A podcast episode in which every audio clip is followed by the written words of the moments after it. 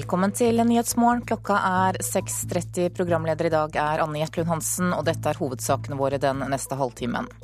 Bedre rettigheter og nye arbeidsoppgaver skal gi flere heltidsansatte i helsevesenet. Det mener LO og Arbeiderpartiet. Vi trenger stadig flere innenfor pleie- og omsorgssektoren. Da kan vi ikke tilby de yngste 20 %-stillinger og tro at de vil være i disse yrkene. Det sier arbeidsminister Anniken Huitfeldt. Gisseldramaet i Alabama i USA fortsetter. En fem år gammel gutt blir holdt fanget i en bunker på tredje døgnet. Og psykologer blir oppsøkt av personer som er avhengige av Facebook og mobiltelefon.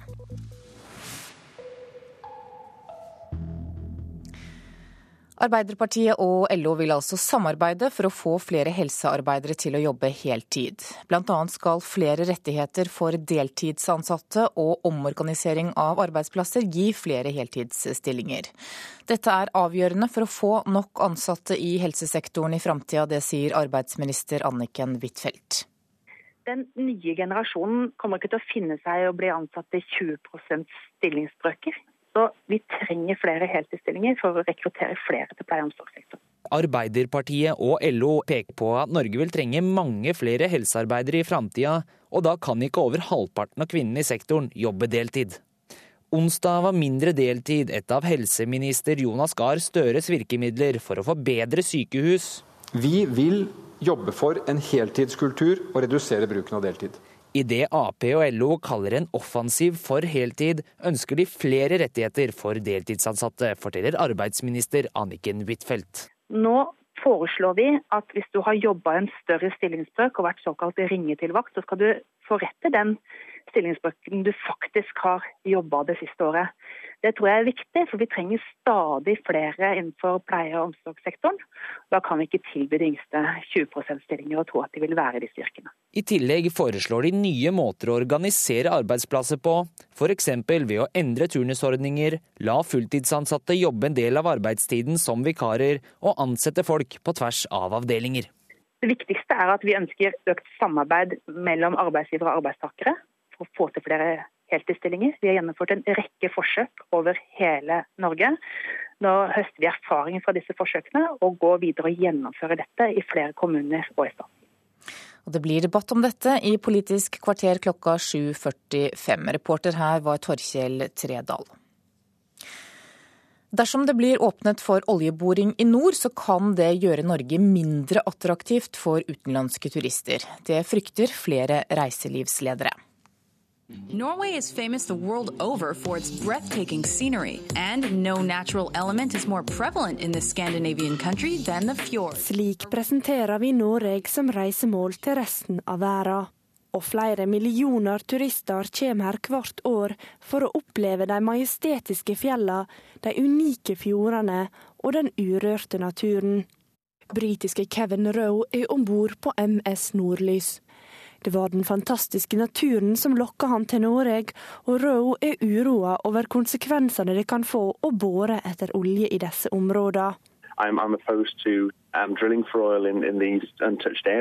I think they're beautiful and, and the, the risks are too great in case there are any spillages or any accidents. So I think I would I'd have to have a second thought about whether I would want to support a, a country that, that push that through, if you dollar. Administrerende direktør i NHO Reiseliv, Knut Almqvist, mener at dersom det skulle bli oljeboring, er det viktig å gjøre disse inngrepene minst mulig synlige. Vi er ikke uh, kjent med at uh, direkte olje- og gassvirksomhet vil ha noen uh, stor innvirkning på deres valg av reisemål. Men jo mer synlige installasjoner det blir, jo mer er vi redd for at utenlandske turister kanskje vil holde seg unna slike områder. Hilde Charlotte Solheim i Virke Reise Norge er opptatt av å skilje den naturbaserte turismen fra resten av reiselivsnæringa. De som skal selge hotellsenger til noen som kommer opp for å drive med installasjoner, de kan synes at dette er en god idé, mens de som jobber med de naturbaserte kvalitetene som Norge har på en helt spesiell måte, vil nok være svært skeptisk. Solheim synes det er vanskelig å si noe om effekten på turismen, men mener det er viktig å ikke gjøre turistattraksjonene våre mindre attraktive. Vi har stor tradisjon for omfattende naturinngrep i Norge, Og det visuelle landskapet, opplevelsesrommet, hvor vi har rekreasjon og det som turistene setter pris på, har ikke noe vern. Så man bør tenke seg grundig om før man går inn i de mest profilerte naturområdene våre med omfattende inngrep, som f.eks. oljeutvinning vil være. Reporter her var Marte Halsør. Minst 25 mennesker er funnet omkommet etter en kraftig eksplosjon i hovedkvarteret til det statlige meksikanske oljeselskapet Pimex i Mexico City i går kveld. Minst 100 mennesker ble skadd i eksplosjonen. Redningsmannskaper frykter at det kan være flere omkomne og skadde inne i den 54 etasjer høye bygningen. Årsaken til eksplosjonen er ikke kjent. Det pågår nå et gisseldrama i småbyen Midland City i delstaten Alabama i USA. En fem år gammel gutt blir holdt fanget i en bunker av en 65 år gammel mann. Det forteller USA-korrespondent Jon Gelius. Ja, Et stort eh, antall politifolk eh, omringer fortsatt denne bunkersen, som nå på tredje døgnet er overvåket etter at en 65 år gammel pensjonert lastebilsjåfør altså tok en fem år gammel gutt med seg ned i denne hjemmelagde bunkeren, som egentlig er beregnet eh, som et beskyttelsessted for tornadoer. Dette er jo et drama som nå har pågått inn på tredje døgnet. Det startet i denne byen da denne 65 år gamle mannen stormet en skolebuss, drepte bussjåføren bussjåføren og tok med seg en tilfeldig eh, skolebarn, denne femåringen. Hva blir gjort for å få femåringen frigitt? Ja, Det virker som om politiet prøver å ha intense forhandlinger med denne mannen. Eh, det er blitt lagt ganske mye lokk på informasjonen ut fra området. og Det skyldes bl.a. at eh, i denne bunkersen så har 65-åringen eh, tilgang på fjernsyn, som man er lite villig til å fortelle for mye ut, fordi man regner med at mannen følger med på nyhetssendinger i bunkersen. Vi vet så langt ifølge politiet at femåringen ikke er fysisk skadet. Han er også en eh, gutt som trenger medisiner, og han har fått nødvendige medisiner ned gjennom et plastrør som går ned som luftventil til denne bunkeren eh, under jorda. Betyr det at det har vært kontakt mellom femåringen og politiet? Eh, politiet har ikke villet bekrefte det, men det er ting som tyder på at det har vært samtale formidlet også via 65-åringen. For det er etter det vi forstår også eh, sendt ned en tegneblokk og noen tegnesaker til femåringen. Eh, men det er klart at politiet her er opptatt av å få løst dette, naturlig nok. Og eh, mange her i USA er jo bekymret eh, når det nå går inn mot tredje døgnet, hvor da en voksen har tatt en femåring som gissel i en slik situasjon. Hva vet politiet om denne mannen? Ja, Dette skal være en mann som er eh, kjent i nabolaget, først og fremst, og som politiet også har eh, hatt kontakt med før. Han skal ha vært eh, en soldat i Vietnam og blir betegnet som en einstøing som er opptatt av våpen. Han skal ha vært involvert i flere episoder i nabolaget, bl.a. med skytevåpenet sitt. Så politiet har fått en del informasjon om mannen, men har ikke noe alvorlige på rullebladet hans til nå. Hva har han selv sagt om årsaken til at han har tatt et gissel med seg ned i denne bunkeren? Ja, Det underlige er at eh, så langt så er det ikke, etter det vi forstår, fremmet noe som helst krav eller kommet eh, noen beskjed det politiet sier, er at eh, denne 65-åringen er imot enhver statlig innblanding. Han er imot myndighetskontakt, han er imot eh, alt som eh, smaker av offentlige instanser. Men det er ikke fremstilt noe som helst krav over hva han ønsker å oppnå med å ta denne uskyldige femåringen ned i denne bunkeren. Har politiet satt noen frist på noen måte før de eventuelt går inn i denne bunkeren?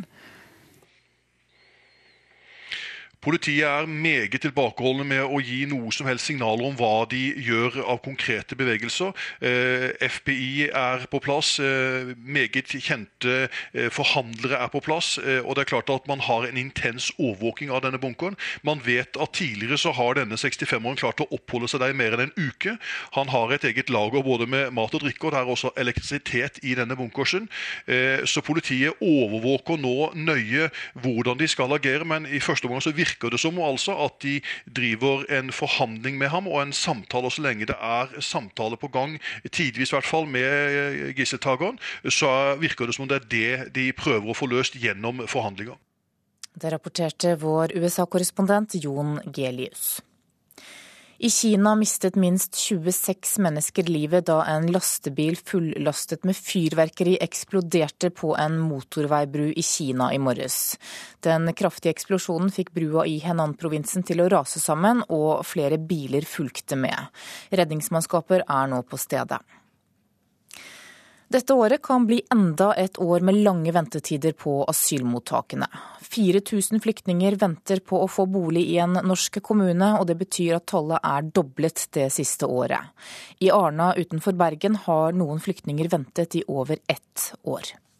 Slik at dere skjønner at vi jobber så godt vi kan, men det er mangel på plasser og mangel på hus i kommunene. Seniorrådgiver Kåre Andreas Krogh fra Integrerings- og mangfoldsdirektoratet står framfor 30 flyktninger i et møterom på asylmottaket i Arna. Noen av de frammøtte fikk oppholdsløyve for over ett år siden, men har ennå ikke fått bostad i en kommune. Nei, Det er jo ikke noe gunstig situasjon, verken for, eh, for flyktningene eller for, eh, for myndighetene heller. Eh, vi ser jo helst at folk kan komme ut, mottak, ut, ut, av mottak og inn i kommuner så fort som overhodet mulig. Nær 4000 flyktninger venter på å verte bosatt, syner tall fra IMDi. Det er ei dobling bare siste året. For å snu denne utviklinga trengs det større statlige tilskudd til boligbygging, ser Nina Gran i kommunene sin interesseorganisasjon KS. Hvis kommunen skal ville ta risikoen å kjøpe boliger eller bygge, så må man faktisk ha en, en viss tilskuddsandel for at ikke det skal bli for dyrt. Men Kommunaldepartementet er ikke samd, og sier i en uttale til NRK at kommunene får nok tilskudd i dag. Partene står steilt mot hverandre. Dermed kan 2013 bli enda et år med lang ventetid på asylmottak. En kjensle som eritreiske Sambroi Tiamane skildrer slik. Uh, det er som når det regner skikkelig ute og du har en viktig avtale du ikke rekker fordi det regner sånn. Da blir du utålmodig. Reporter var Trude Bakke. Da skal vi ta en kikk på dagens aviser og se hva de har på forsidene sine i dag. Kvinner straffes mildere enn menn, skriver Aftenposten. En svensk undersøkelse viser at kvinner møter mer empati i rettsvesenet enn det menn gjør. Nei til dans og drama er overskriften i Dagens Næringsliv. Industrigründer Ståle Kyllingstad mener Norge ikke kan utdanne ungdom i kunst- og kulturfag, når oljebransjen skriker etter arbeidskraft. Nordland Arbeiderparti tror oljeboring i Lofoten og Vesterålen kan bli en vinnersak i høstens valg. Fylkespartilederen sier til Klassekampen at dette kan være med på å sanke stemmer i landsdelen. Vårt Land derimot skriver at flere biskoper tar et oppgjør med Arbeiderpartiets oljeplaner. Biskop Tor B. Jørgensen vil bruke kirkens talerstol til å opponere mot oljeboring i Lofoten. I går fikk journalister komme inn på gassanlegget i In Amenas i Algerie for første gang siden terrorangrepet. Stavanger Aftenblad har et stort bilde av anlegget på sin forside med overskriften 'Her døde fire nordmenn'. Bergens Tidende skriver at servicesjefen på anlegget var god venn med flere av nordmennene som jobbet på anlegget. Dagsavisen forteller at politiet vil ha en lov mot romfolk. Politiet i Oslo vil ha vedtekter som hindrer at folk sover på gata, i biler og i parker. Borgerlig jubel for togkonkurranse, skriver Nasjonen på sin forside. Høyre, Fremskrittspartiet, Venstre og KrF ønsker EUs planer om å konkurranseutsette toget velkommen. Senterungdommens leder Sandra Borch står frem i VG i dag. Slik lever jeg med den grove hetsen, forteller hun. Og Dagbladet kan fortelle at det ikke blir noen flere TV-program om Tore på sporet. Tore Strømøy forklarer i Dagbladet i dag hvorfor han gir seg.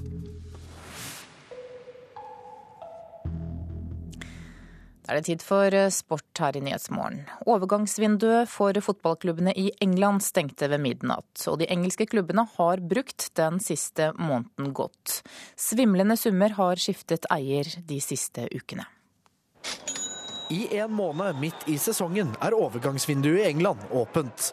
Da kan de engelske klubbene lovlig kjøpe spillere, og det har de virkelig gjort. Over 1 milliard norske kroner har skiftet eier i januar etter spillekjøp i Premier League.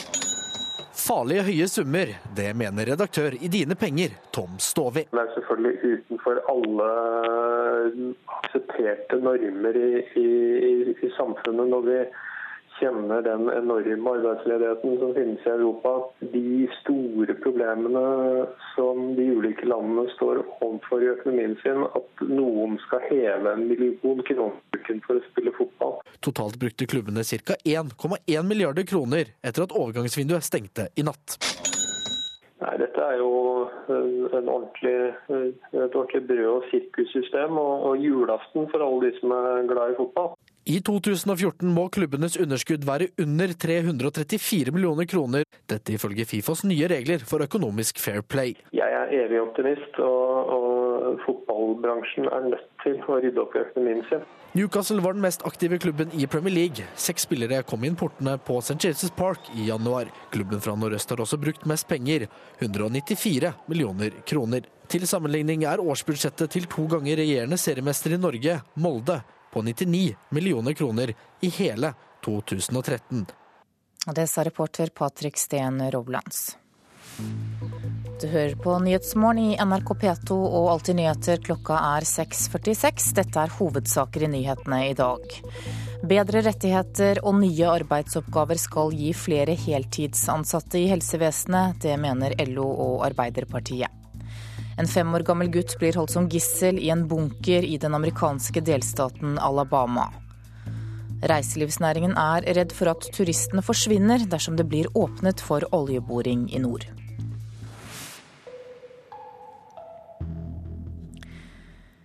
Pelsdyrnæringen er ikke en versting på dyrevelferd, ifølge Mattilsynet. Og dette er heller ikke den eneste bransjen hvor tilsynet passer ekstra godt på hvordan dyra har det. Kyllingprodusent Sigurd Høyland driver også en næring som blir tett fulgt opp. Nå går vi jo inn gjennom i, i, huset. Det som jeg ser etter, da, det er om, om jeg finner noen dyr som har noen skavanker, eller om det er noen som ligger døde. Nå har vi alt funnet en. Hva tror du har skjedd med den? Den tror jeg, Når du ser på størrelsen på den i forhold til de andre, så tror jeg eh, han har fått for lite vann. Det er helt naturlig. Det vil alltid være noen som dør. Det sier veldig lite om dyrevelferden. Sigurd Høyland har 16 000 kyllinger som skal slaktes. Han driver i en av de næringene hvor Mattilsynet er mest bekymra for dyrevelferden. Pelsdyrnæringen er av mange blitt stempla for å være verst på dyrevelferd, men Mattilsynet er òg bekymra for dyrevelferden i andre næringer. Slaktekyllingproduksjon, det er intensive produksjoner som det, er jo, er produksjoner som, er, som, kan være sårbare. Og typen ekstensive produksjoner som holder dyr i utmark, hvor det er rovdyr. Og det samme gjelder beitegrunnlaget for reinsdyr i deler av Finnmark. Det sier Ole Fjetland, som er assisterende tilsynsdirektør i Mattilsynet. Ifølge Fjetland går det ikke an å kåre hvem som er best eller verst på dyrevelferd. Omfanget av tilsyn og metoden som en bruker er så forskjellige. Og alt etter hva metode og omfang, så kan en få mange eller få avvik. Så det å bruke f.eks. antall avvik eller antall vedtak som mål for tilstand i en næring, det blir veldig feil. I sånn overdriven iver etter å lage statistikker, så kan du miste litt fokus på enkeltindividet. Det enkelte individ som dyrevernloven er til for. Senterpartiets Geir Pollestad opplever at debatten om pelsdyrnæringen har blåst ut av proporsjoner. Vi må nok erkjenne det, at det er alle typer dyrehold så vil det finnes syke og skadde dyr. Det er et valg som vi som samfunn har, tatt. Men den generaliseringa og aksepten for å generalisere, den virker det kun til å være at det er pelsdyrnæringen som er utsatt for. Dyrevernorganisasjoner, media og politikere har haussa opp saken, mener Pollestad. Pelsdyrnæringen er jo, er jo blitt en symbolsak for deler av Dyrevernalliansen. Jeg syns for mange politikere har vært for feige når de får presentert bilder fra pelsdyrnæringen, som er de bildene vi sitter, er uakseptable. Men en aksepterer en premiss om at sånn er det i hele næringen, og kommenterer ut fra det. Det kan ikke hauses opp at dyrene sitter i trange nettingbur på under en kvadratmeter. og lider hver eneste dag. Det er alvorlig. Det er noe som burde få mye mer oppmerksomhet enn det det faktisk allerede får. Det sier leder i NOAH, Siri Martinsen. Jeg føler det er legitimt at eh, pelsdyrnæringen får oppmerksomhet nå når det faktisk er regjeringsforhandlinger om akkurat pelsdyrenes fremtid. Det er problemer innenfor mange eh, næringer. Eh, dyr har behov som de ikke får tilfredsstilt, og det er man nødt til å adressere i alle næringene. De som driver med dyrehold, mener likevel at det er naturlig at noen dyr dør eller blir skada. På disse 16 000, og jeg hadde funnet én kylling i dag, så hadde det vært veldig bra. Snittet i dag vil, eh, vil det være ca. en plass mellom 10, 10 og 20 dyr. Det, og det varierer fra dag til dag. Som du finner døde? Som vi finner døde, ja. En kan ikke si at uh, dyrevelferden er dårlig fordi en finner døde dyr i produksjon. Det kan en på ingen måte si, for, for det er en gitt naturlig dødelighet. Så det vil alltid være noen som dør. Det sier veldig lite om dyrevelferden. Reporter her var Marte Kindervåg. Flere psykologer merker nå pågangen fra personer som trenger profesjonell hjelp til å bli, bli kvitt avhengighet knyttet til sosiale medier og mobilbruk. Tre av fire nordmenn er på Facebook, og for enkelte så kan det bli for mye. Hvis man merker det går veldig utover den daglige fungeringen, og at man har veldig mye tanker som kretser rundt de samme temaene hele tiden, hvis man har en, føler på en trang som bygger seg opp, man ikke klarer å tøyle på en måte som man blir litt en slave til, så, så er det på tide å kanskje få litt hjelp til det. Det sier Pål Erik Gulliksrud. Jeg jobber til daglig som eh, privatpraktiserende psykolog i Oslo. Stadig flere pasienter kommer til Pål Erik Gulliksrud og spør om hjelp til å bli kvitt avhengighet av mobil og sosiale medier. Og jeg har merka en tendens til at disse problemene rundt sosiale medier har økt i omfang i de siste årene. Det kan sammenlignes med andre typer avhengighet, som f.eks. røyking. En slags digital ADHD, og symptomene kan være det er mye uro, det er litt vanskeligheter med å holde konsentrasjon uh, lenge på én ting. Uh, hjernen forandres jo litt, på en måte den tilpasser seg til å, å prosessere informasjon på, i et veldig mye høyere tempo og mye mer fragmentert informasjon, så man blir flinkere til å skifte mellom ulike oppgaver, men man svekker evnen da til å være fokusert på én oppgave lenge av gangen, gjerne. Hele 93% av nordmenn i alderen 15 til 29 har en Facebook-konto. Over halvparten av alle over 60 år er på Facebook. Ja, så Facebook-avhengighet, da tenker vi at det, det, innebærer å være sterkt opptatt av Facebook. Ved Universitetet i Bergen pågår det et forskningsprosjekt som ser på Facebook-avhengighet. Altså De aller fleste av oss som du sier, er jo avhengig av disse nye teknologiske nyvinningene og sosiale medier og sånn, uten at du er avhengig i klinisk forstand. Sier Cecilie Skau Andreassen, som leder forskningsprosjektet, og som er Postdoktor og klinisk psykologspesialist ved Universitetet i Bergen og Bergensklinikkene. For noen går Facebook-avhengigheten altfor langt. Og at man er drevet av en sterk motivasjon da, til, til, å bruke Facebook og, og, legge så mye energi og innsats inn i, i, Facebook eh, at det negativt påvirker private relasjoner og fritidsaktiviteter, jobb, studier og eller helse. Noen grupper er naturlig nok mer utsatt enn andre. Dette er jo veldig populært verktøy i forhold til barn og ungdom og unge voksne. Så vi tenker jo i forhold til dette med skole og skoleprestasjoner hvis man da f.eks. blir veldig overinvolvert i, i, Facebook, og kanskje også isolerer seg fra alt det andre eh, på den måten. Så det er sånn vi tenker at det er noe som er negativt, eh, og som er overdrevet og tvangs, eh, tvangsmessig i, i formen. Reporter var Eivind Våge. Jæren i Rogaland har mer å by på enn poteter, Garborg og Kaizers orkestra. Nå er nemlig opera på full fart inn i den jærske allmenndannelsen. Da, da, da, Nærmere 40 barn fra kulturskolene i Hå og Klepp har reist fra Jæren og inn til Stavanger. Der øver de til barneoperaen 'Who Kidnapped Constanza the Mouse'. Det er flest jenter med hale- og filtører som løper rundt, men også Tobias Mellemstrand. Eh, det er veldig gøy. At eh, vi får være med på noe så stort. Det er litt vanskelig å lære det, men det er jo gildt for det. om. Ildsjelen bak den jærske operasatsingen i år, som i fjor, er Katrine Imerslund, prosjektleder og sanginstruktør i Hå kulturskole. Altså, min store store barndomsopplevelse var å gå i operaen, så jeg ønsker bare å, å, å gi det videre. Ja.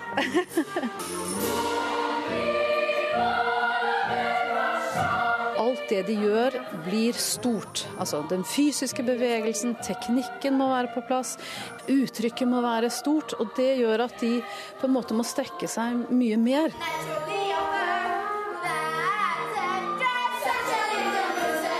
Uh, if you do something, you remember well it. Når du gjør noe aktivt, husker du det. Hvis du bare ser på, kan du lett glemme det, sier den italienske komponisten Roberta Vacca. Nå er hun i Stavanger for å få med seg denne oppsetningen av syngespillet av Mozart, 'Bortførelsen fra Serraillet', som hun har forenklet, slik at barn selv kan stå på scenen. Yes, opera is very important because it involves uh, many. Like Opera er som selve livet, et laboratorium der du må forholde deg til mange fag og ferdigheter, og der du lærer om deg selv ved å samarbeide med andre mennesker, sier Vakka, som er hentet til Stavanger av sangprofessor ved universitetet, Elisabeth Nordberg Schultz. Det er veldig inspirerende, men også krevende. For de må skjønne at dette er gøy, at dette er uh, spennende, at det er jo magisk bak det de gjør. Og Alessio er veldig streng. Og Alessio, det er regissøren med etternavnet Pizzek. Han sier at hvis du har disiplin og vet spillereglene, på en måte, så leker du bedre. Han kan være litt streng, men han kan være også veldig lav. Det er bra, for at da, da gidder vi. Bjørghild Espeland liker italiensk disiplin, og Kristina Mariann Oskar Andersen har fått smaken på opera. At det er noe med det, og at det er liksom ikke bare, bare hyling og skriking.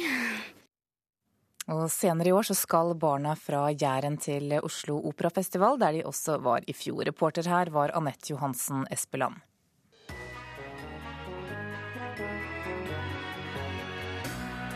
Radioselskapet presenterer Selskapslekene, fredagskviss på P2. Ukraina, Uganda, Ungarn, Uruguay Fire deltakere møtes til quiz på direkten og kjemper om en splitter ny DAB-radio. Da får vi tippe to.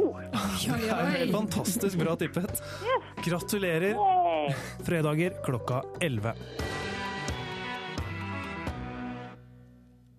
Men nå nærmer klokka seg sju, og vi skal se på et værvarsel som gjelder til midnatt. Fjell i Sør-Norge kan vente seg overveiende nordvestlig bris i dag. I kveld økning til nordlig kuling i høyfjellet. Spredte byger nord for Langfjella, ellers til dels pent vær. I kveld økende bygeaktivitet lengst i nord. Østafjells for det meste nordlig bris, stort sett pent vær, noe lokal tåke på Østlandet. Rogaland skiftende bris, i kveld nordlig frisk bris og for det meste pent vær. Hordaland og Sogn og Fjordane kan vente seg skiftende bris i dag. I kveld nordvestlig frisk bris på kysten, sludd og snøbyger flest byger i Sogn og Fjordane, og først på dagen vesentlig i ytre strøk.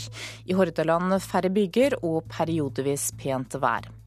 Møre og Romsdal nordvestlig opp i frisk bris. I ettermiddag økning til nordvestlig opp i sterk kuling. Sluddbyger og snøbyger. Trøndelag nordvestlig liten kuling. Fra sent i formiddag vestlig sterk kuling utsatte steder. I ettermiddag kan hende kortvarig liten storm. I kveld forbigående minkende til nordvestlig liten kuling, snøbyger og lokal torden. Helgeland, Saltfjellet og Salten kan vente seg sør-vestlig periodevis stiv kuling utsatte steder i dag. Fra i ettermiddag nordlig frisk bris på kysten, sludd og snøbyger. Lofoten og Vesterålen sørlig senere nordøstlig frisk bris. Sludd og snøbyger, utpå dagen opphold og til dels pent vær. Ofoten skiftende bris, snøbyger, i kveld nordlig bris og til dels pent vær. Troms østlig bris og for det meste pent vær. Finnmark kan vente seg sør-østlig frisk bris utsatte steder i dag. I indre strøk litt snø av og til, ellers stort sett oppholdsvær.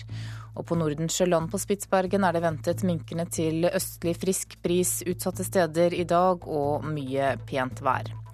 Når det gjelder temperaturutsiktene, så kan vi melde at i Finnmark og på Spitsbergen så er det ventet omtrent uendret temperatur. Det blir kaldere østafjells og i fjellet i Sør-Norge, og litt kaldere på Vestlandet, i Trøndelag, Nordland og Troms. Så tar vi også med at I Sogn og Fjordane så er det stor snøskredfare i områder hvor det har kommet mye snø det siste døgnet, spesielt i Sogn.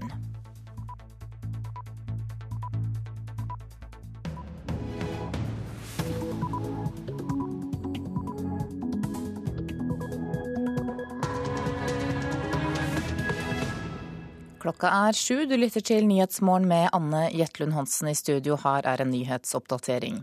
Regjeringen satser på egne tiltak overfor mobbeskoler. Det er fordi vi er utålmodige i å få redusert mobbingen på norske skoler. Mange skoler er veldig bra, de har jobba systematisk over tid, de har lykkes. Men vi ser at noen skoler har høye mobbetall mange år på rad. Sier kunnskapsminister Kristin Halvorsen. Kunnskapsinnhentingen om oljeutvinning i nord er bare halvferdig. Arbeiderpartiets programkomité går likevel inn for konsekvensutredning.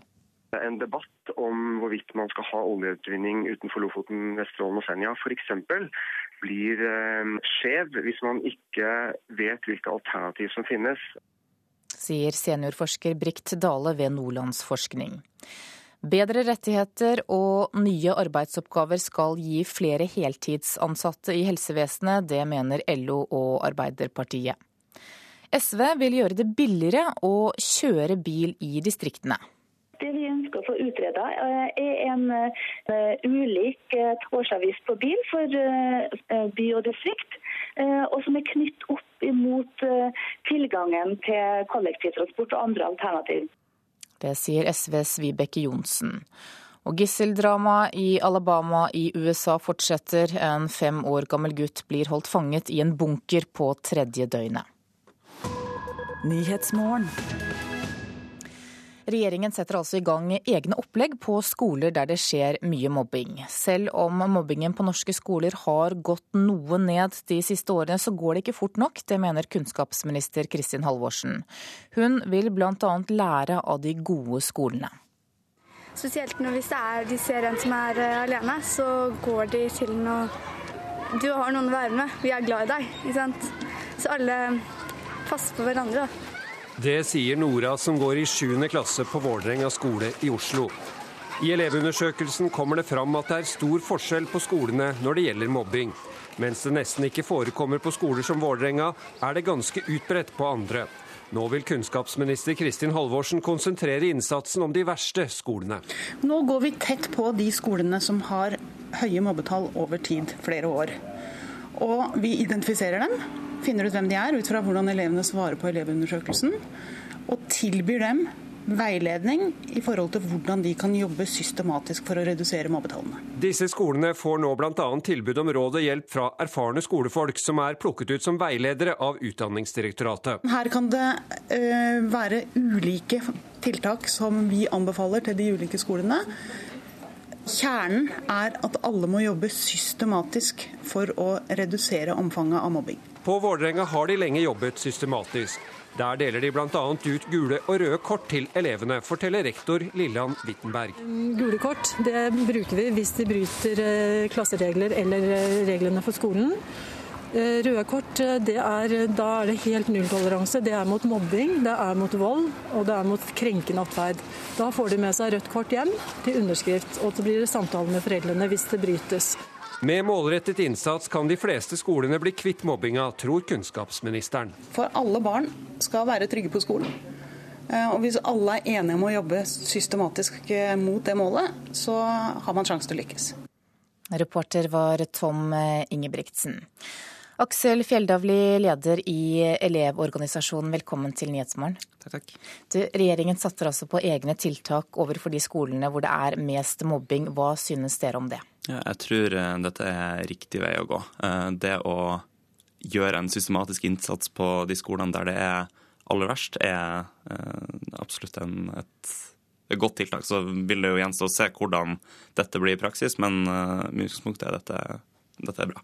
Ja, Hva skal til for at et slikt tiltak skal bli vellykka? Ja, det er flere ting. For det første så må det følge nok ressurser med, eh, sånn at dette ikke bare blir noe som ser fint ut på papiret, men at det faktisk gjennomføres eh, på en måte som får redusert mobbinga.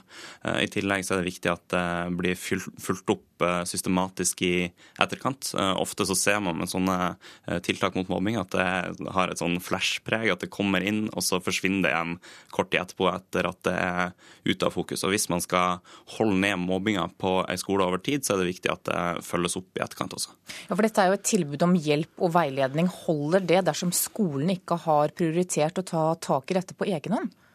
Eh, det, det, det, vil jo gjenstå å se hvordan dette gjennomføres på, på den enkelte skole, men, men, det som er viktig, er at eh, hele skolekulturen blir gjennomsyra av eh, antimobbeholdninga. At det diskuteres blant eh, elever, blant lærere. At man har et, et fokus gjennom, gjennom, hele skolen på hvordan man jobber mot eh, mobbing, og, og måte, hva det er som er problemene på den enkelte skole. Hvorfor er det så stor forskjell mellom skolene? Jeg tror det handler om forskjell i, i, systematikk. Eh, at man ikke har, rett og slett ikke har planer på en del skoler for hvordan man skal eh, jobbe mot mobbing. At elevene ikke tas med på å eh, diskutere hvordan, hva som faktisk er problemene for de. For det, det er liksom elevene som kjenner mobbinga på kroppen, og som må si fra om hvor det er skoen trykker, og hva, hva man kan gjøre også. Ja, hva forteller disse elevene til dere? Ja, eksempel så kan det være sånn at uh, man føler seg veldig, veldig alene og uh, hjelpeløs uh, når det skjer eksempler på mobbing. at det ikke nødvendigvis er bare mobbinga som er det verste, men alle de som, som ser at mobbinga skjer uten å gjøre noe. Både av medelever og av, av lærere, skoleledelse. Og, og, hvis at de, de, tiltakene som blir lagt frem her, kan bidra til at flere griper inn og, og faktisk sier ifra når man ser at andre blir mobba, så er det kjempebra. Du, Kunnskapsministeren tror at vi kan bli kvitt mobbing i skolen. Hva tror du om det? Eh, sånne type nullvisjoner er jo fin og flott, men, men det, det, er viktig at de følges opp av et, eh, et faktisk arbeid mot, eh, mot det målet, og ikke bare bli festtalemateriale. Takk for at du kom til Nyhetsmorgen, Aksel Fjelldavli. Regjeringen er bare halvferdig med å hente inn kunnskap i spørsmålet om å åpne Lofoten, Vesterålen og Senja for oljeboring. Likevel går Arbeiderpartiets programkomité inn for en konsekvensutredning. Seniorforsker Brikt Dale ved Nordlandsforskning synes det er rart at partiet ikke har tid til å vente på rapporten som handler om hvordan det omstridte området vil klare seg uten oljeboring. Jeg tenker at det er viktig å få fram et bedre helhetsbilde av potensialet som regionen vår eh, innehar. Og at eh, en debatt om hvorvidt man skal ha oljeutvinning utenfor Lofoten, Vesterålen og Senja f.eks. blir eh, skjev hvis man ikke vet hvilke alternativ som finnes. Det er regjeringa sjøl som har stilt spørsmålet om hvilke vekstmuligheter Lofoten, Vesterålen og Senja har uten en oljeutvinning i området. Flere titalls millioner kroner er lagt på bordet for å få svar, men lenge før rapporten er klar, skjer dette. Et stort flertall i Arbeiderpartiets programkomité går inn for å åpne de sårbare havområdene utenfor Lofoten for oljeleting. Arbeiderpartiets programkomité mener at ettersom Olje- og energidepartementet sin kunnskapsinnhenting er ferdig, så vet man nok til å kunne gå for en konsekvensutredning. Men den rapporten som fire andre departement står bak, tar man seg ikke tid til å vente på. Jeg syns det er merkelig at når dette kommer opp, at man da slår fast at man er ferdig med å hente inn den nødvendige kunnskapen, all den tid regjeringen altså har satt ned en kunnskapsinnhentingsprosess nummer to. Mens den første kunnskapsinnhentinga skulle se på hva som skjer hvis man starter oljeutvinning, skulle del nummer to se på hvilke muligheter regionen har til å klare seg uten oljeboring. Men stortingsrepresentant for Arbeiderpartiet Eirik Sivertsen mener det er uproblematisk å ta stilling til konsekvensutredning uten at alle fakta er på bordet. En prosess med konsekvensutredning og eventuelt påfølgende åpning er en veldig langvarig eh, prosess. Det er viktig å få kartlagt bl.a. om man mangler kunnskap. Og Det er altså Næring- og handelsdepartementet, Kyst- og fiskeridepartementet, Miljødepartementet og Kommunaldepartementet som står bak den rapporten som fortsatt ikke er ferdig. Reporter her, det var Hilde Mangset eh, Lorentzen. Artist Kari Bremnes, velkommen til Nyhetsmorgen. Tusen takk. Du er med oss fra Svalbard, og aller først Lofoten og Vesterålen. Hva betyr dette området for deg? Det betyr jo fri natur, det er stort der, vilt, det er vakkert. Du må forholde deg til krefter som er ganske mye større og sterkere enn du sjøl. Og sånn sett så er jo ikke Lofoten noe sted for overmot. Hvor vanskelig sak er dette spørsmålet for, for folk som bor i regionen, dette med oljeboring? Det er jo en sak som, um, som er vanskelig å ta stilling til uh, hvis man ikke får en ordentlig uh, diskusjon om det. En ordentlig diskusjon som ikke handler om fremmedgjøring av ting. På den måten at de som bor i regionen eh, opplever at en synspunkter og følelser i dette her ikke har betydning fordi at man ikke har en master i et eller annet som gjør at man liksom forstår tall og kunnskap. Eh, altså, altså, Det her handler jo om rett og slett eh, verdier. altså. Hvordan vurderer du det å åpne for oljevirksomhet i dette området? Uh, jeg, har ikke tatt en sånn der 100% flaggfanesak på det, men jeg må jo si at i utgangspunktet så, så er det det miraklet som skjer hvert år med millioner av kjønnsmoden torsk som kommer helt fra Barentshavet for å gyte, og har gjort det i mange hundre år, akkurat i dette området.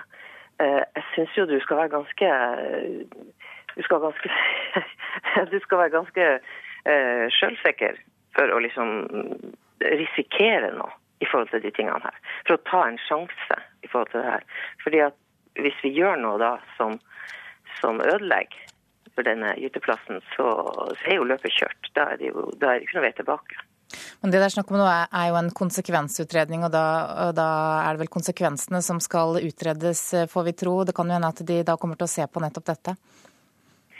Jo da, men det er jo hvem som vurderer de konsekvensene også, ikke sant. Det er jo veldig sterke interesser i, i uh, oljeindustrien som, som, er med på denne konsekvensutredninga. Så jeg syns det har vært veldig interessant med en konsekvensutredning på flere hold. På hvilken måte da? Miljøorganisasjonene kommer inn med en konsekvensutredning også. Hvor harde er, eh, er frontene i denne saken? Altså I Lofoten så er det jo like mange meninger som, som ellers i landet, rett og slett. Altså, det er jo eh, paradokser og jeg mener eh, Hamsun sine figurer, August og Benoni, de lever jo, de lever jo Lofoten og, og Vesterålen i dag også. Og noen vil jo heie stort på eh, på dette her oljeeventyret, og noen ville vært veldig skeptiske. Og Sånn er det jo i befolkninga også. Jeg snakker jo ikke på vegne av noen andre enn meg sjøl, og jeg syns jo det er ganske hyggelig at uh, Dagsnytt tar inn stemmer som kommer fra andre sider enn de vi ofte hører i sånne debatter. Du var inne på dette med overmot. Hva er ditt råd til partene som nå diskuterer og som skal avgjøre dette her? Det er jo å ha en del ydmykhet i forhold til det store naturfenomenet som, eh, som foregår. Det store spillet som foregår utenfor eh, denne kysten en gang hvert eneste år. Et slags uh, uforståelig et mirakel, noe som har skjedd i mange hundre år med denne, denne gyteplassen. Det å ha en, en ydmykhet i forhold til disse tingene. Og det er grunnen det, det, det, hovedrådet mitt. altså. Det å ikke gå inn med for kan, altså, Torsken blir ikke imponert av tall. Takk for at du var med Nyhetsmorgen, Kari Bremnes. Da skal vi høre at SV vil gjøre det billigere å kjøre bil i distriktene. Partiet går derfor ikke inn for å ha Unnskyld, partiet går derfor inn for å ha ulik årsavgift på bil i byene og distriktene. Dette er en del av prosessen for å satse mer på kollektivtrafikk i byene. Det sier SVs stortingskandidat fra Sogn og Fjordane, Vibeke Johnsen. Det vi ønsker å få utreda, eh, er en, en, differensiering, altså en uh, ulik trans, årsavgift på bil for, for by og distrikt. Og som er knytt opp imot tilgangen til kollektivtransport og andre alternativ. Johnsen sier at det er en del områder i f.eks. Sogn og Fjordane der kollektivtilbudet ikke er godt nok, og at mange ikke har andre alternativ enn bil. Derfor må en ha ulik årsavgift på bil i byene og bilene i distriktene som har lite tilgang til kollektivtransport. Norge er et langt langstrakt land med store altså, Noen plasser bor folk tett, andre plasser er det lange avstander mellom folk. Og det, det, må vi ta hensyn til når vi skal lage en samferdselspolitikk som skal passe for hele landet. Ja. Det må være ulikt. KrF-leder Knut Arild Hareide syntes ikke forslaget er gjennomtenkt. Ja, altså jeg forstår intensjonen i det som er SV sitt forslag, eh, om at eh, det skal være dyrere å kjøre bil der en har gode alternativ for eh, å reise med kollektiv. Samtidig så syns ikke dette forslaget virker veldig gjennomtenkt. Det å på en måte da differensiere årsavgifta mot distrikt-by, eh, tror ikke jeg er det mest treffsikre virkemidlet. Hareide syntes det er bra at SV tar til orde for å forbedre kollektivtrafikken. Men jeg syns det er veldig rart at ikke de har brukt de sju åra de har sittet i regjering, til å komme med konkrete forslag og gjøre at det òg kan bli en realitet mens de sitter i regjering. Reporter i dette innslaget var Marius Herman Holle.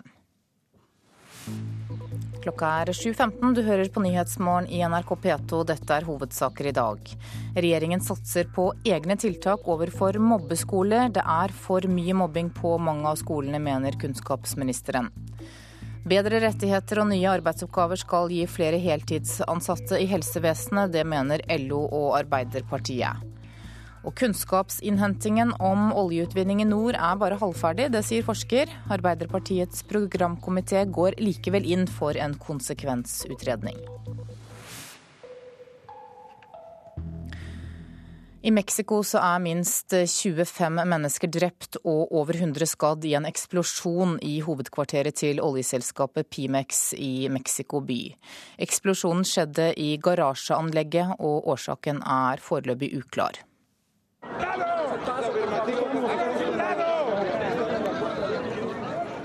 En redningsarbeider ber om at folk flytter på seg. Det er kaos utenfor skyskraperen i sentrum av Mexico by. Redningsarbeideren dytter en skadet mann som sitter på en kontorstol. Hundrevis av mennesker i kontorklær ser rundt seg. Skyskraperen er 51 etasjer høyt, og i mange av etasjene nær bakkeplanet er alle vinduene blåst ut. Vimos la explosión, entonces de toda la torre se vino a los cristales abajo. Fue muy fuerte. Jeg så eksplosjonen, sier en kvinne. Den var veldig kraftig. Det var i garasjeanlegget eksplosjonen inntraff. Eksplosjonsgassene trengte seg oppover i bygningen og ut av etasjene. Mange av de skadde har blitt kuttet opp av glass som ble kastet ut av bygningen med voldsom fart.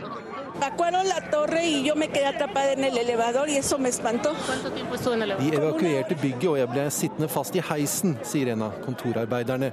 Jeg ble skremt. Den meksikanske presidenten besøkte eksplosjonsstedet noen timer etter eksplosjonen. Myndighetene bruker nå alle krefter på å redde ut folk som fortsatt kan være sperret inne. No tengo ninguna, ninguna, ninguna jeg vil ikke spekulere i hva som er årsaken til eksplosjonen, sier president Enrique Pena Nieto. Det er altfor tidlig, mener han. Det som kommer frem, kan tyde på at dette ikke er en terroraksjon, men at en elektrisk feil har ført til at gasser i ventilasjonsanlegget har eksplodert. Og det sa utenriksmedarbeider Halvard Sandberg. Fra Mexico skal vi til Egypt. Der har uroen den siste uka kostet over 40 mennesker livet. Tidligere i uka innførte president Mohammed Morsi unntakstilstand i tre provinser. Og Midtøsten-korrespondent Sigurd Falkenberg Mikkelsen, vi har hørt at folk ikke bryr seg. Forsøker myndighetene nå fortsatt å opprettholde dette portforbudet? Han holdt jo en uh, voldsom tale, Mohammed Morsi, her uh, tidligere i, i uken. Uh, hvor da hvor han da erklærte unntakstilstand i disse tre kanalprovinsene. Eh, det ble møtt med nye provinser. Eh, det ble til og med arrangert eh, fotballkamper på kveldstid. Og de aller fleste butikkene nektet å stenge. Så det endte med at han overlot til guvernørene å bestemme. Og der har de i hvert fall i Ismailia nå redusert unntakstilstanden til å, no, til å, gjelde noen timer på natten. og Dette viser jo hvor lite autoritet Morsi har over statsapparatet her. Men Port Said er et unntakstilfelle. Jeg var der i går, og der er det stridsvogner i gatene og veldig spent. og Der respekteres også portforbudet i større grad, fikk jeg inntrykk av. Hvorfor det? Jo, fordi det er eh, veldig eh, spent i Port Said, foran, særlig foran dagens eh, fredagsbønn. Der ble det drept nesten 40 mennesker. 39 er vel tallet oppi nå, etter disse dødsdommene etter fotballvolden som herjet byen for et år siden. Det er meget stor frustrasjon med, disse dødsdommene. Folk føler seg urettmessig behandlet. Så er det mye våpen i omløp, slik at det skytes med skarpt, noe det ikke gjør, gjøres i Kairo. slik at dødstallene der eh, ble veldig høye. Eh, og Det gjør at folk også er, er veldig sinte nå. Og I dag er det fredagsbønn eh, igjen. Hva kan vi vente oss etter det? Jeg, jeg snakket med en, en, mann i Port Said i går, og han sa at uh, i dag kommer den skikkelige revolusjonen. Bare vent og se. Få se hvordan det går. Altså, det som er, er i Port Said, er at det skal veldig lite til før det går ordentlig galt. Uh, og uh, Her i Kairo er det også tillyst demonstrasjoner, men da fredelige demonstrasjoner har de politiske bevegelsene tatt til orde for. De skal gå mot presidentpalasset for da å demonstrere mot president Mohammed Morsi og Det muslimske brorskapet. Dette virker jo som en ganske fastlåst situasjon. Er det noe bevegelse på det politiske planet her?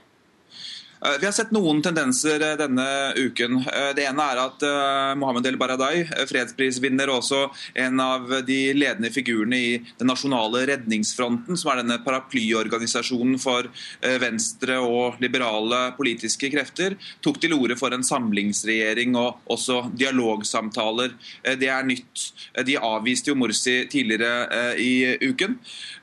Og så var det også et møte i går i Al-Assar, det, det høyeste muslimske læresettet sted der, under ledelse av stormuftien, hvor alle de politiske partiene deltok, uh, inkludert Det muslimske brorskapet, uh, og hvor de endte med en erklæring om å avstå fra vold og forsøke å løse uenigheter på fredelig vis. Det rapporterte Sigurd Falkenberg Mikkelsen fra Egypt. Arbeidstilsynet har ikke kapasitet til å følge opp alle tips om foretak som jobber svart og driver ulovlig. Organiserte bedrifter fortviler over eh, dette og mener kontrollen er for dårlig. Det er ingen kontroll. Det er ikke, det er ikke lett å hooke dem. Daglig leder i Rørservice i Stavanger, Geir Hult, har drevet som rørlegger i 40 år. Bedriften har ti ansatte, men butikken har nå bare åpent noen få timer daglig. Jeg har jo nå slutta å selge rørdeler over disk for å prøve å stoppe at jeg skal iallfall ikke komme her og kjøpe rørdeler og gå og ta jobben ifra oss etterpå.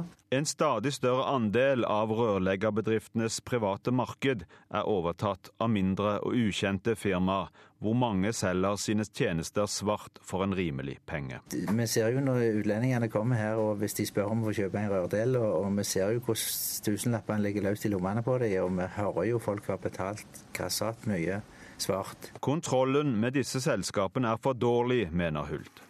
Han får følge av en rekke ledere i andre rørleggerbedrifter NRK har vært i kontakt med.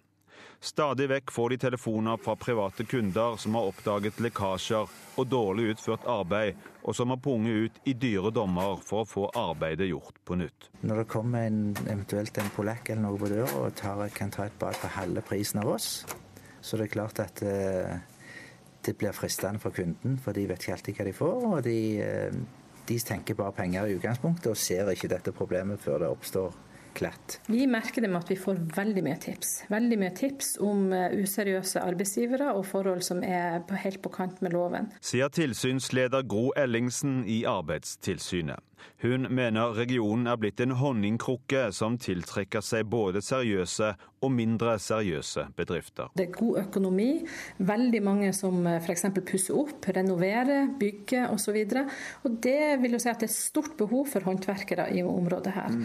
Og det er så stort behov at uh, det er rett og slett grunnlag for at det er mange useriøse som kommer på banen og vil ha en del av denne krukka. Fordi at de ser at det er, kan være penger å tjene på å opptre useriøst også. Uh, vi merker det også med at når vi er ute på tilsyn, så trenger vi ikke å lete for å finne tilsynsobjekter objekter hvor det foregår ulovlige ting. Vi ser det rundt oss hele tida. Selskapene er ofte små, de tilbyr alle mulige oppussingstjenester og etter hvert blitt så mange at det er vanskelig å føre kontroll med dem, til tross for et nært samarbeid mellom skattevesenet, Arbeidstilsynet, politiet og brannvesenet. Vi kontrollerer de små. Det som er, kan være vanskelig, det er jo at vi har ikke så stor informasjon, for de eh, kommer under radaren. Radaren er jo offentlige myndigheter, registrering, Brønnøysund, skatt, eh, at man er inne i systemet.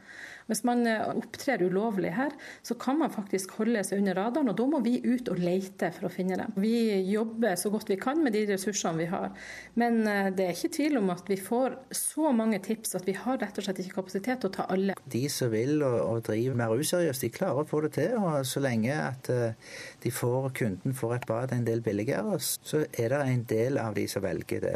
Og det er litt dumt for oss som driver litt skikkelig, for vi har garanti i fem år på alt vi gjør. Og sånn at kunden skal kunne ringe her om det er to-tre år etter vi har vært her. Hvis et eller annet skjer, så er vi ute og fikser det. Der har de fordelen med å komme til seriøse firma. Reporter var Ståle Frafjord. Da skal vi ta en kikk på dagens aviser og se hva de har på forsidene sine i dag. Kvinner straffes mildere enn menn, skriver Aftenposten. En svensk undersøkelse viser at kvinner møtes med mer empati i rettsvesenet enn det menn gjør. Nei til dans og drama er overskriften i Dagens Næringsliv. Industrigründer Ståle Kyllingstad mener Norge ikke kan utdanne ungdom i kunst- og kulturfag, når oljebransjen skriker etter arbeidskraft. Nordland Arbeiderparti tror oljeboring i Lofoten og Vesterålen kan bli en vinnersak i høstens valg. Fylkespartilederen sier til Klassekampen at dette kan være med på å sanke stemmer. Vårt Land derimot eh, skriver at flere biskoper tar et oppgjør med Arbeiderpartiets oljeplaner. Biskop Tor B. Jørgensen vil bruke kirkens talerstol til å opponere mot oljeboring i Lofoten.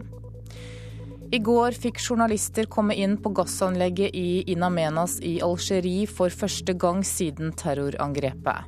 Stavanger Aftenblad har et stort bilde av anlegget på sin forside med overskriften 'Her døde fire nordmenn'. Bergens Tidende skriver at servicesjefen på anlegget var god venn med flere av nordmennene som jobbet på anlegget. Dagsavisen forteller at politiet vil ha en lov mot romfolk. Politiet i Oslo vil ha vedtekter som hindrer at folk sover på gata, i biler og i parker.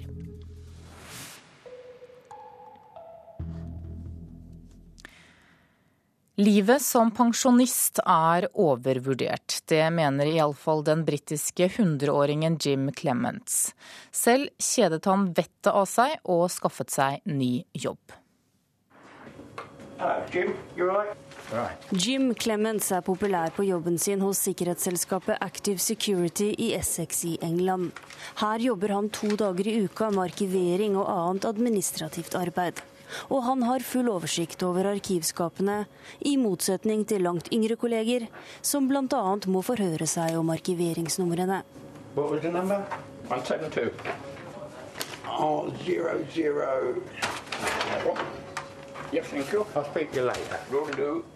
For hundreåringen synes arkivering er langt mindre kjedelig enn pensjonisttilværelsen. Well, I got so bored at home. The wife said, for God's sake, go out and get a little job. So she was looking in the paper, and this was advertised. Han var 66 år da kona foreslo at han skulle gå tilbake på jobb, og fant en passende jobbannonse. Jim gikk på intervju og fikk én måneds prøvetid. Og selskapet valgte å beholde ham lenge. og Jim stortrives. Really very good for me because Hundreåringen har så langt rukket å jobbe 86 år av livet sitt. Og det kan være befriende lite eksplosivt å arkivere dokumenter når du under andre verdenskrig jobbet på en torpedofabrikk. Jims kolleger sier kontoret er som en stor familie, og kollega Carol Hurley blir slett ikke lei av sin eldre kollega eller humoren hans. No, he just gets funnier as the time goes on. But his memory and that from way back of when he was in all that sort of thing, and the stories he tells are just good. Jims kone Gladys, som han giftet seg med i 1944, er nå død.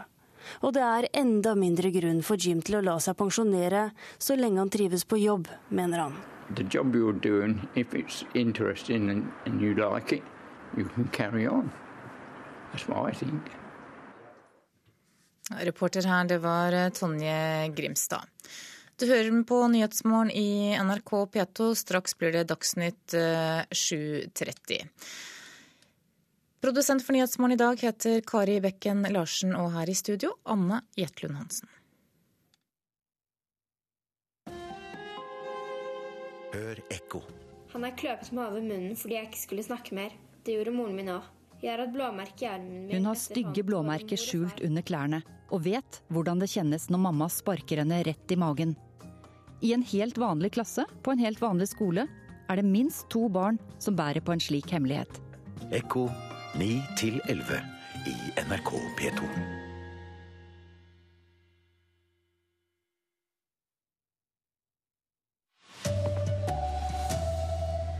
Regjeringa går rett på verstingsskolene for å få slutt på mobbinga.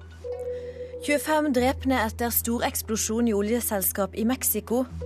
Og medan Europa sliter økonomisk, brukte engelske fotballklubber 1 milliard på nye spillere. Her er NRK Dagsnytt, klokka er 7.30. Regjeringa skreddersyr tiltak for skoler der det er mye mobbing. Og selv om mobbinga på norske skoler har gått noe ned de siste åra, så går det ikke fort nok, mener kunnskapsministeren. Leder i Elevorganisasjonen Aksel Fjelldavli, hva er det elevene forteller de opplever som det største problemene? Når en elev blir mobba, så opplever han ofte at uh, han står litt alene uh, og føler seg litt hjelpeløs i i den situasjonen. Uh, at det ofte ikke er det verste er ikke, ikke mobberne, men eh, de som står rundt og som ikke gjør noe. Både medelever, eh, lærere. Eh, at det ikke blir på en måte satt inn tiltak fra, fra skolens side når, når, mobbing skjer. Så jeg tror det er, det er viktig at man, man, jobber systematisk over tid fra skolens side. Så er det spennende å se om de, de tiltakene som blir, blir satt inn her, kan bidra til at det skjer på de skolene der, eh, der det jobbes dårligst. Ja, for nå skal vi til Vålerenga skole i Oslo, som har jobba målretta i kampen mot mobbing. Spesielt når hvis er, de ser en som er uh, alene, så går de til noe Du har noen å være med, vi er glad i deg. ikke sant? Så alle passer på hverandre. Det sier Nora, som går i 7. klasse på Vålerenga skole i Oslo. I elevundersøkelsen kommer det fram at det er stor forskjell på skolene når det gjelder mobbing. Mens det nesten ikke forekommer på skoler som Vålerenga, er det ganske utbredt på andre. Nå vil kunnskapsminister Kristin Halvorsen konsentrere innsatsen om de verste skolene. Nå går vi tett på de skolene som har høye mobbetall over tid, flere år. Finner ut hvem de er ut fra hvordan elevene svarer på elevundersøkelsen, og tilbyr dem veiledning i forhold til hvordan de kan jobbe for å redusere mobbetallene. Disse skolene får nå bl.a. tilbud om råd og hjelp fra erfarne skolefolk som er plukket ut som veiledere av Utdanningsdirektoratet. Kjernen er at alle må jobbe systematisk for å redusere omfanget av mobbing. På Vålerenga har de lenge jobbet systematisk. Der deler de bl.a. ut gule og røde kort til elevene, forteller rektor Lillian Wittenberg. Gule kort det bruker vi hvis de bryter eh, klasseregler eller eh, reglene for skolen. Eh, røde kort, er, da er det helt nulltoleranse. Det er mot mobbing, det er mot vold og det er mot krenkende atferd. Da får de med seg rødt kort hjem til underskrift, og så blir det samtale med foreldrene hvis det brytes. Og reporter på Vålerenga skole var Tom Ingebrigtsen. Aksel Fjelldavli i Elevorganisasjonen, du er fremdeles med oss. Er dette tiltak du tror vil hjelpe? Jeg tror det er viktig og riktig å gå inn mot de skolene som eh, gjør et eh, dårlig arbeid mot mobbing, og gi de Eh, gi dem hjelp, sånn at de kan gjøre et, eh, et bedre arbeid. Og Så gjenstår det å se hvordan, hvordan de her tiltakene blir å fungere i praksis. Det som er viktig, er at det, det, følger med nok ressurser, sånn at det her ikke blir tiltak som ser fine ut på papiret og som ikke har noen effekt. Og I tillegg så er det viktig at det følges opp systematisk i etterkant. For det man ofte ser med tiltak mot mobbing, er at det, kommer inn som et et flash eh, når man måte, oppdager problemet, og så forsvinner det etter kort tid når eh, det er ute av eh, fokus igjen. Så det, dette er et arbeid som må gjøres over tid. Da skal vi utenriks, for i Mexico by er minst 25 mennesker drepne og litt over, over 100 skadde i en eksplosjon i hovedkvarteret til oljeselskapet Pemex. Eksplosjonen fant sted i garasjeanlegget, og årsaka er foreløpig uklar. En redningsarbeider ber om at folk flytter på seg. Det er kaos utenfor skyskraperen i sentrum av Mexico by. Redningsarbeideren dytter en skadet mann som sitter på en kontorstol. Hundrevis av mennesker i kontorklær ser rundt seg. Skyskraperen er 51 etasjer høyt, og i mange av etasjene nær bakkeplanet er alle vinduene blåst ut.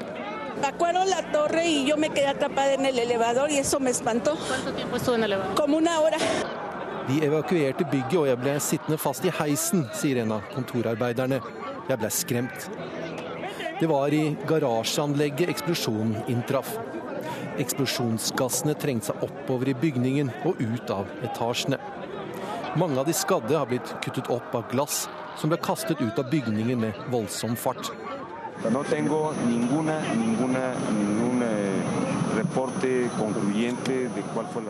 Jeg vil ikke spekulere i hva som er årsaken til eksplosjonen, sier president Enrique Pena Nieto. Det er altfor tidlig, mener han.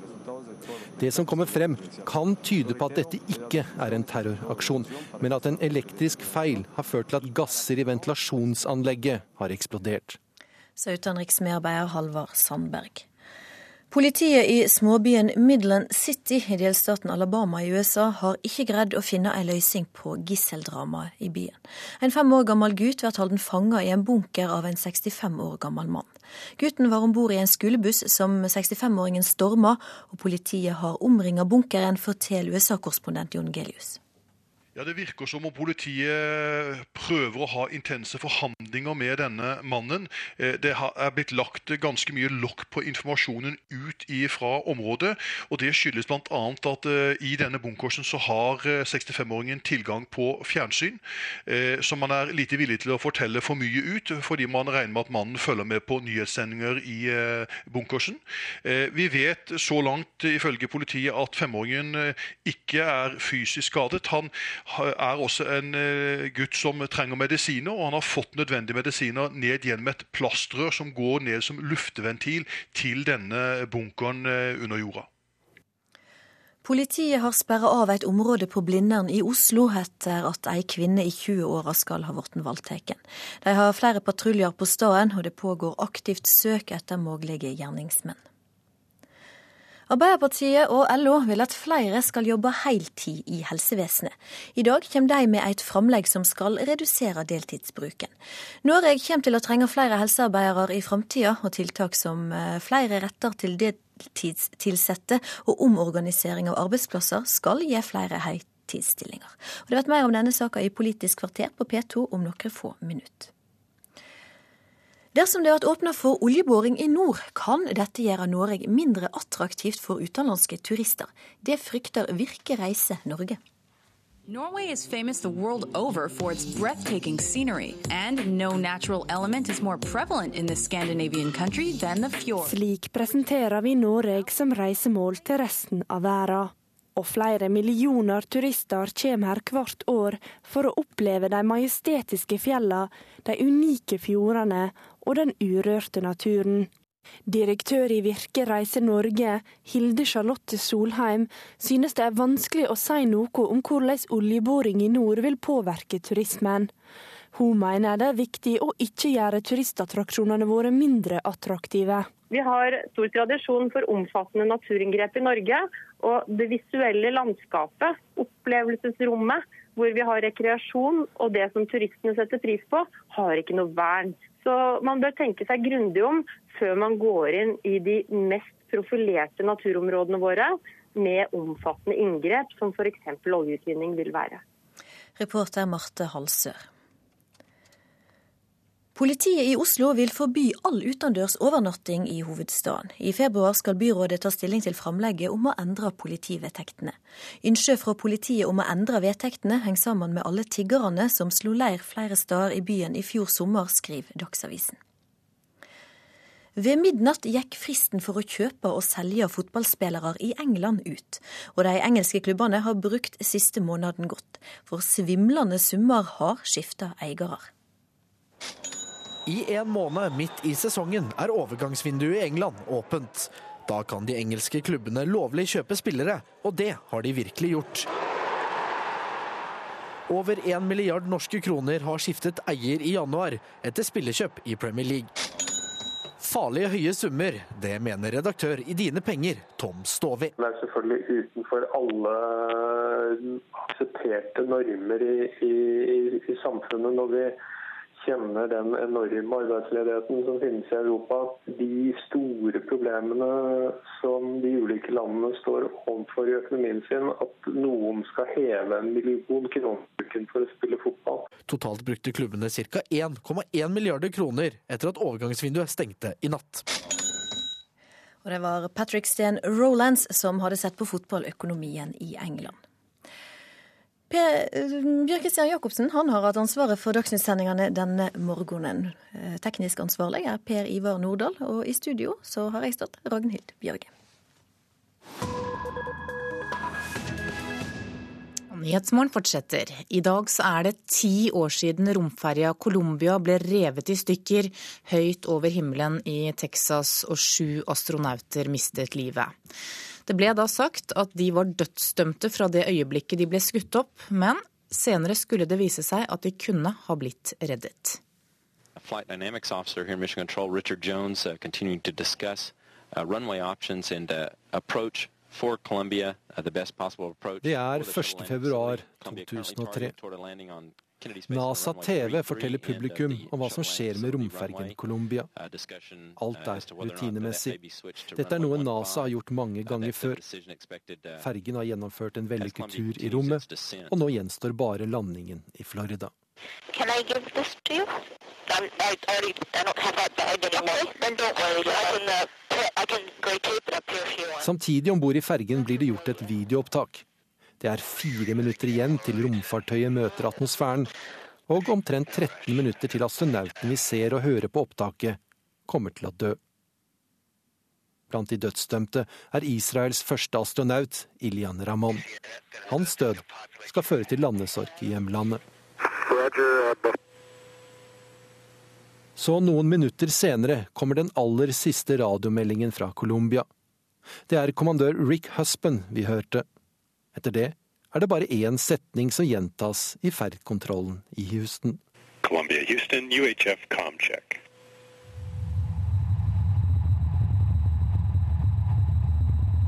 Comcheck. What's the location of your emergency? I can barely hear you. My name is Hubbard Hill. Okay, what's the emergency? It appears that we have had an explosion in this area. 911-nummeret i Texas blir nedringt av publikum som ser ting på himmelen, og som ser at merkelige gjenstander faller ned på jorden. Blant gjenstandene er det en hjelm, en hanske og en kassett med videoopptaket vi nettopp hørte lyden fra. Det er klart at USA har mistet nok en romferge, og at sju mennesker har omkommet i farkosten som var selve symbolet på amerikanernes teknologiske overlegenhet.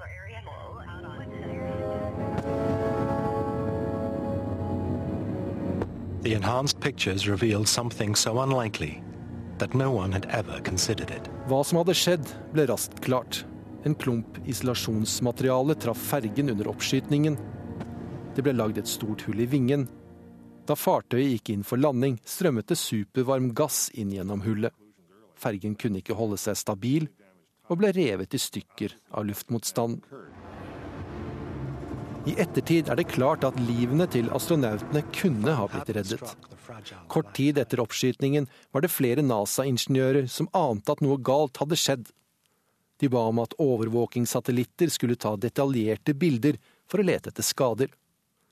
Hadde skaden blitt oppdaget, så mener undersøkelseskommisjonen at en redningsaksjon med en annen ferge kunne ha blitt gjennomført. Zero and lift off, the final lift off of Atlantis on the shoulders of the space shuttle. America will continue the dream. Vi har hoppet åtte og et halvt år frem i tid, og konsekvensen av tragedien over Texas, det er den aller siste romfergen som skytes opp. Etter tragedien ble fergeflåten nok en gang gjort sikrere, men amerikanerne innrømmet at de ikke maktet å gjøre dem sikre nok. Og at det ikke var ansvarlig å plassere mennesker om bord. At romfergene ble satt på bakken, og at amerikanerne nå må sitte på med russerne for å komme ut i rommet, blir av mange amerikanske politikere sett på som et teknologisk og moralsk nederlag. Det sa utenriksmedarbeider Halvard Sandberg. Klokka er 7.44. Dette er hovedsaker i Nyhetsmorgen. Regjeringen vil lage egne opplegg på de skolene der mobbing er mest utbredt. Bedre rettigheter og nye arbeidsoppgaver skal gi flere heltidsansatte i helsevesenet. Det mener både LO og Arbeiderpartiet.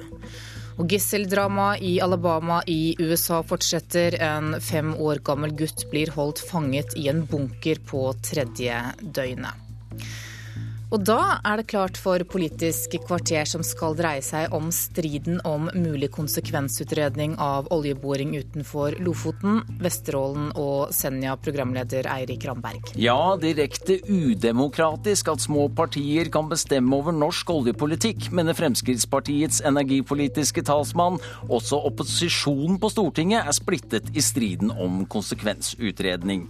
Og Arbeiderpartiet og LO med felles plattform for å få flere heltidsansatte i helsesektoren. Tiltakene er som gammelt, muggent brød med ny innpakning, mener Høyre.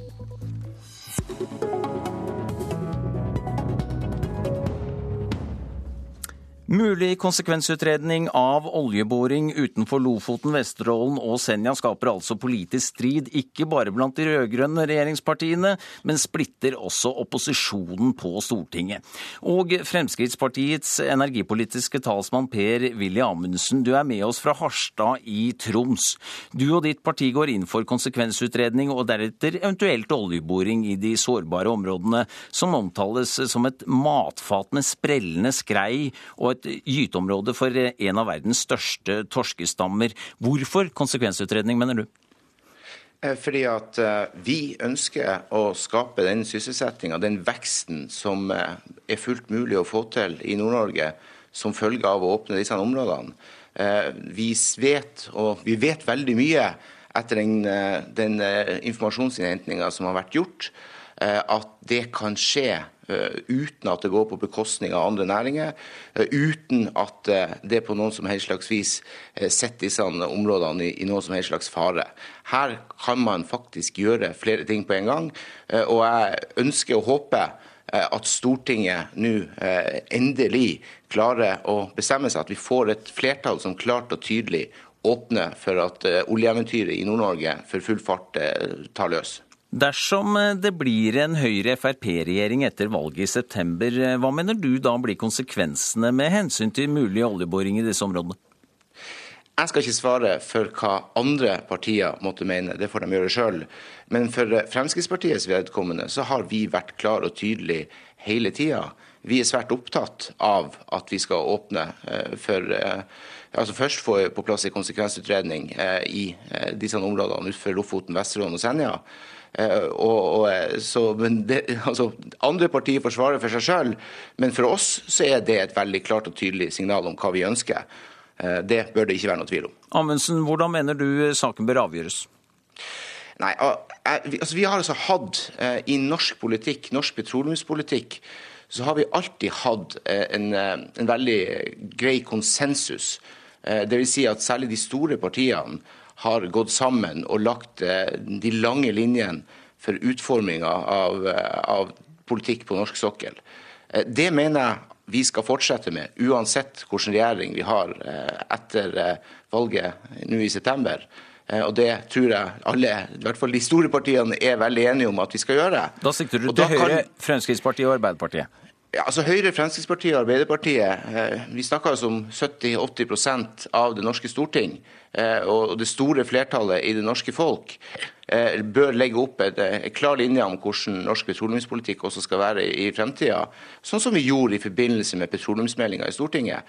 Og Da mener jeg at dette er en sak eh, som man må prøve å finne konsensus om i det brede lag. Og Hvis det er sånn da at Arbeiderpartiet vedtar på sitt landsmøte at de vil åpne Lofoten, Vesterålen og Senja, ja, så mener jeg at man man må prøve å finne den brede konsensusen på dette feltet, som vi har gjort på svært mange andre områder i norsk petroleumspolitikk. Men nå vet vi altså at mindre partier som Venstre og Senterpartiet, SV og Kristelig Folkeparti har innflytelse på dette. Hva synes du om det?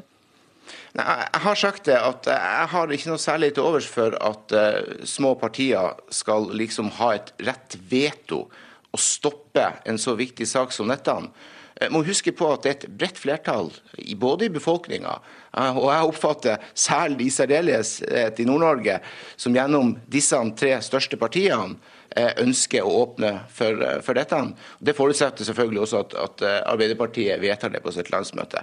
Og Jeg er jo litt redd fordi at, det, fordi at dette skal handle om, altså bli en sånn valgkampsak som Arbeiderpartiet skal bruke, og så vil de ved første anledning kaste saken over bord for å, for å få godvilje fra, fra SV.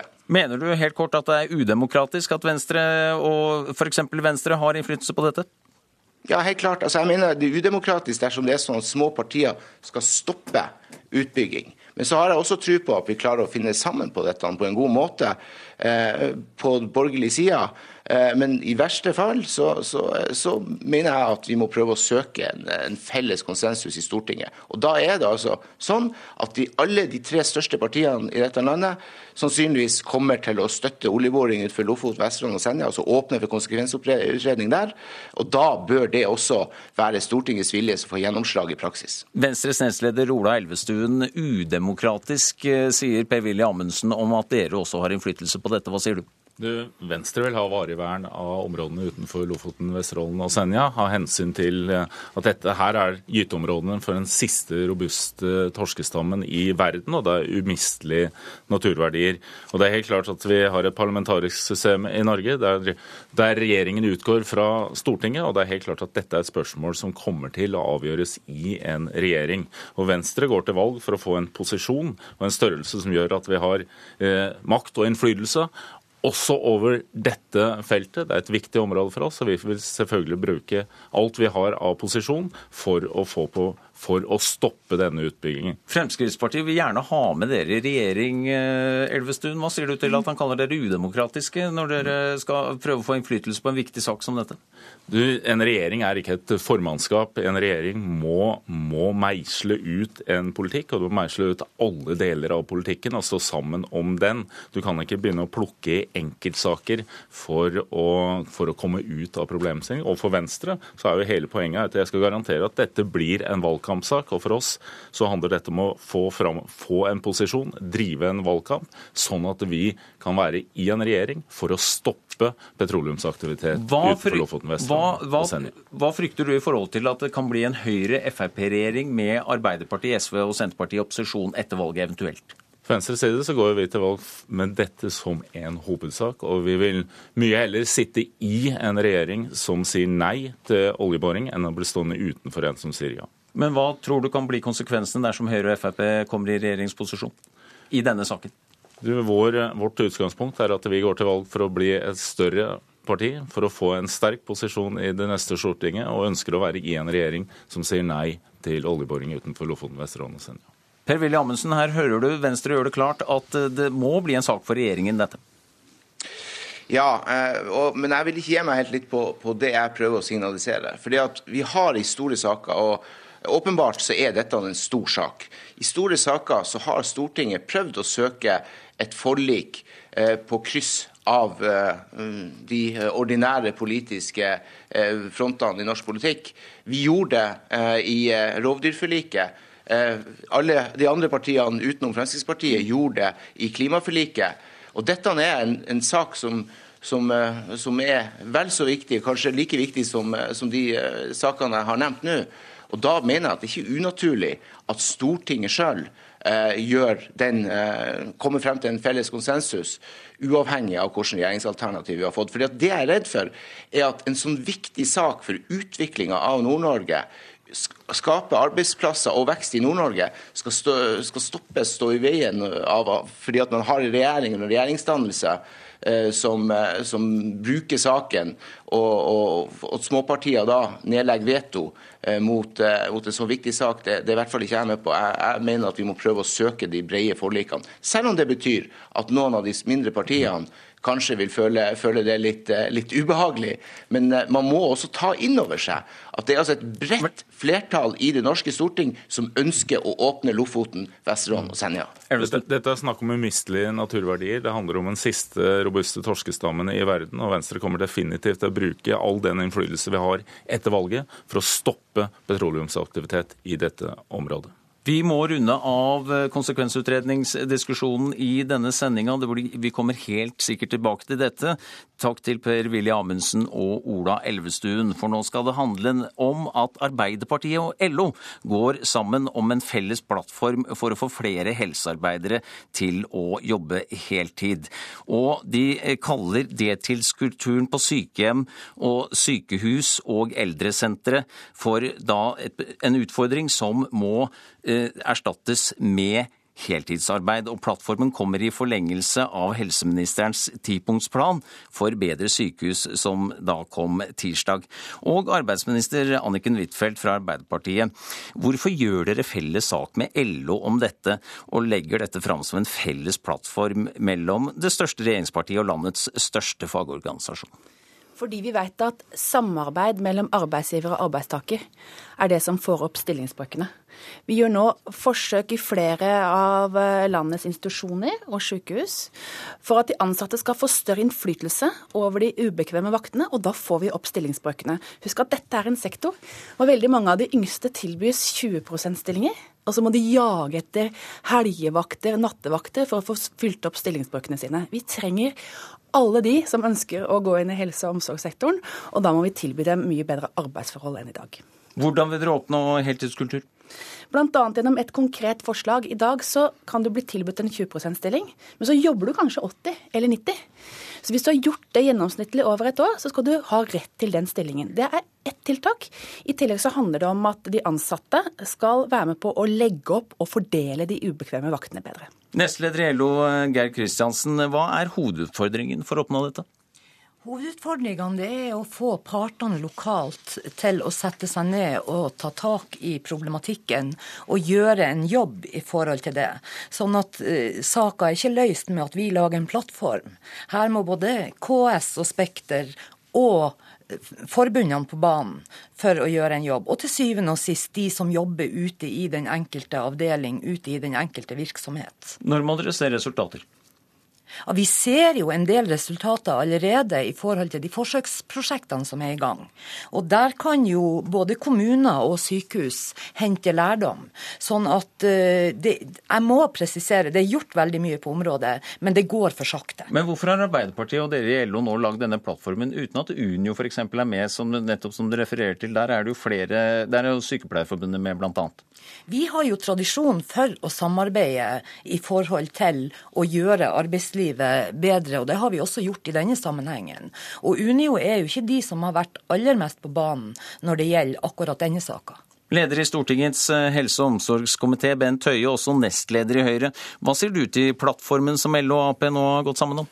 For det første så reagerer jeg veldig sterkt på det rent prinsipielle her. Nemlig at eh, her eh, LO opptrer på en måte på vegne av alle de som jobber i denne sektoren, når de på langt nær gjør det. Fordi, eh, som en er inne på her, Unio og Sykepleierforbundet organiserer en veldig stor andel av de som faktisk er i denne situasjonen. Så, så, det er det ene. Det andre er jo at Arbeiderpartiet på ingen som helst måte representerer arbeidsgiveren i denne sammenheng.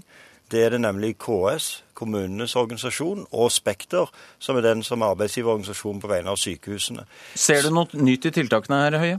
Nei, men altså, For det første, det er veldig viktig. Eh, fordi at jeg er nemlig redd for at det som Arbeiderpartiet og LO her gjør, for det første ødelegger mange av de positive prosessene som er på gang, der alle partene sitter om bordet. Og for det andre så mener jeg at her viser en at Arbeiderpartiet og LO ikke er opptatt av den norske og nordiske modellen med trepartssamarbeid, men har et topartssamarbeid samarbeid er de som gir penger i valgkampene, de som blir invitert inn til å sitte rundt bordet og, og diskutere. Men de kaller dette en plattform. Hvordan vurderer du tiltakene? Nei, på, på, tiltakene er stort sett tiltak som allerede er vedtatt eller, eh, eller på gang. Så på mange måter så kan en kalle dette her for eh, rigifting. En tar eh, gamle valgløfter, gamle saker som allerede er kjent, og så pakker en inn på ny, og så lanserer en det som, som nye, nye tiltak. Da vi snakket sammen i går, så sammenlignet du det med gammelt muggent brød i ny innpakning. Det er sterke ord. Ja, men dette er jo på en måte litt sånn spesielt at en for det første går og gjør noe så prinsipielt feil, og så når da innholdet ikke er nytt, så er han faktisk i en situasjon der han kanskje kan ødelegge mer enn det han bidrar. Og så snakker han òg om at dette skal handle om eh, mer kompetanse. For å si det sånn hvis vi må, slippe til, jo, hvis, ja, vi, vi må slippe til arbeidsministeren helt til slutt her. Huitfeldt, hva sier du til kritikken fra Høyre? Vi samarbeider med Sykepleierforbundet og andre organisasjoner også. og De støtter mange av disse tiltakene. Men det Bent Høie ikke vil svare meg på, det er om han støtter regjeringens forslag om at man skal ha rett til økt stillingsprosent tilsvarende gjennomsnittlig arbeidstid de siste tolv måneder. Han snakker en hel masse om at det er galt at LO og Arbeiderpartiet samarbeider, men han kommer ikke med noe konkrete forslag, og han har ikke noen synspunkter på de offensive punktene vi her presenterer. Og den utfordringen må vi ta i neste eh, runde om nemlig flere heltidsansatte i helsesektoren blir trolig en valgkampsak. Klokka nærmer seg åtte. Politisk kvarter er slutt. Mitt navn Eirik Ramberg. Anne Jetlund Hansen står klar med Nyhetsmorgen.